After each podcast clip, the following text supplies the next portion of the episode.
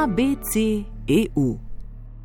Spoštovane, spoštovani, še manj kot mesec dni nas loči do drugega predsedovanja Slovenije Evropski uniji, se pravi svetu Evropske unije. Pol leta bo torej Slovenija v središču evropskega razpravljanja, razmišljanja, postala bo evropski diplomatski parket, kar bo zagotovo prineslo tudi marsikatero žargonsko ali birokratsko poimenovanje, ki ga bomo morali streti. A nismo še tam, do takrat je še nekaj bitk na zalogi. Zato danes Vojska. Prejšnji teden smo v naši rubriki omenili incident, ko so beloruske oblasti letalo iz Aten v Vilno preusmerile v Minsk pod pretvezo grožnje z bombo, da bi potem na letališču aretirale disidenta obtoženega protidržavnega delovanja. Dogodek je seveda sprožil veliko ogorčenje, tako zaradi bojazni, kaj aretiranega Romana Protasjeviča čaka v beloruskih zaporih, kot zaradi ogrožanja varnosti vseh potnikov na letalu. Beloruske oblasti so sicer kasneje zatrdile, da je bila preusmeritev letala v Minskle priporočilo zaradi varnostne grožnje, ter da je pilot odločitev o pristanku sprijel neodvisno, saj da je imel možnost pristati tudi na Polskem ali v Ukrajini. Toda, če takšno priporočilo slišiš ob tem, ko ob tebi leti vojaško letalo, verjetno ne razmišljaš o tem, da ga ne bi upošteval, ampak pač ubogaš. Verjetno res, sploh če imaš na krovu še več kot sto potnikov. No, evropski voditelji so ravnanje beloruskih oblasti obsodili, nekateri manj, drugi bolj odločno, nekateri so ga imenovali celo za dejanje državnega terorizma. In če bi na podlagi tega sklepali takojšnje zelo stroge ukrepe proti Minsku, bi se zmotili.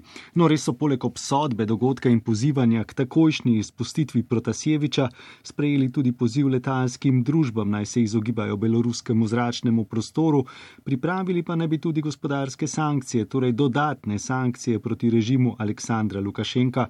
Vendarle, če neko dejanje označiš za državni terorizem, bi človek morda pričakoval ostrejši odziv, mar ne? Morda, ali pa tudi ne.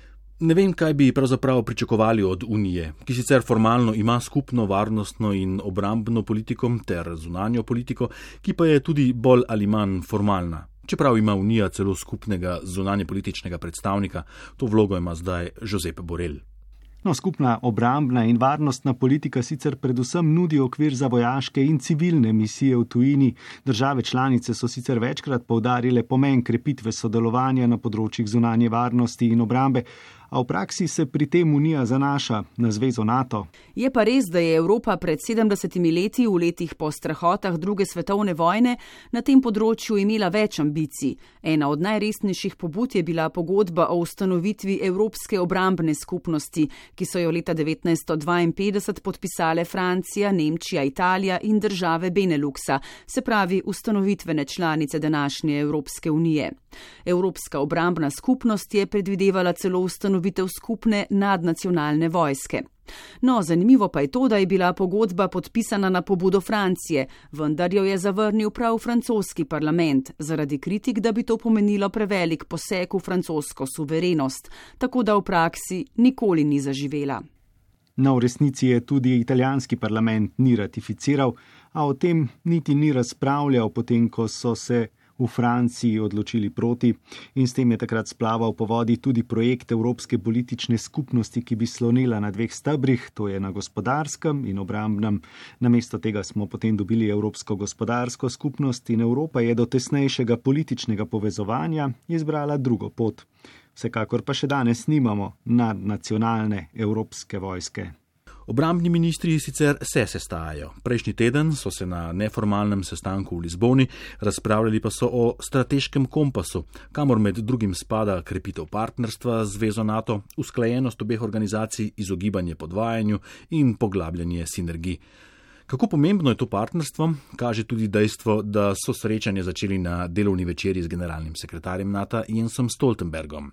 Sicer pa so se posvetili tudi krepitvi stabilnosti v Afriki, zlasti o razmerah v Libiji, Mozambiku in Maliju. Seveda pa se tudi oni niso mogli izogniti ugrabitvi letala družbe Ryanair in obsodbi beloruskih oblasti ter zahtevi za izpustitev Romana Protasjeviča in za mednarodno preiskavo preusmeritve letala. Ampak eh, zanimiv pojem si omenil strateški kompas. Smo se izgubili? No, mnenja o tem so različna, ampak če ostanem pri strateškem kompasu, gre za razpravo o usmeritvah, ciljih in orodjih na področju varnostne in obrambne politike Evropske unije. Razprava poteka od leta 2019 in naj bi bila končana prihodnje leto. Teče pa o štirih sklopih in sicer so to krizno upravljanje, razvoj zmogljivosti in obrambno sodelovanje, partnerstva in odpornost. Hm, kar so pa enake besede, kot jih poslušamo od začetka lanskega leta, ko govorimo o vojni z virusom. Le metode bojevanja so različne.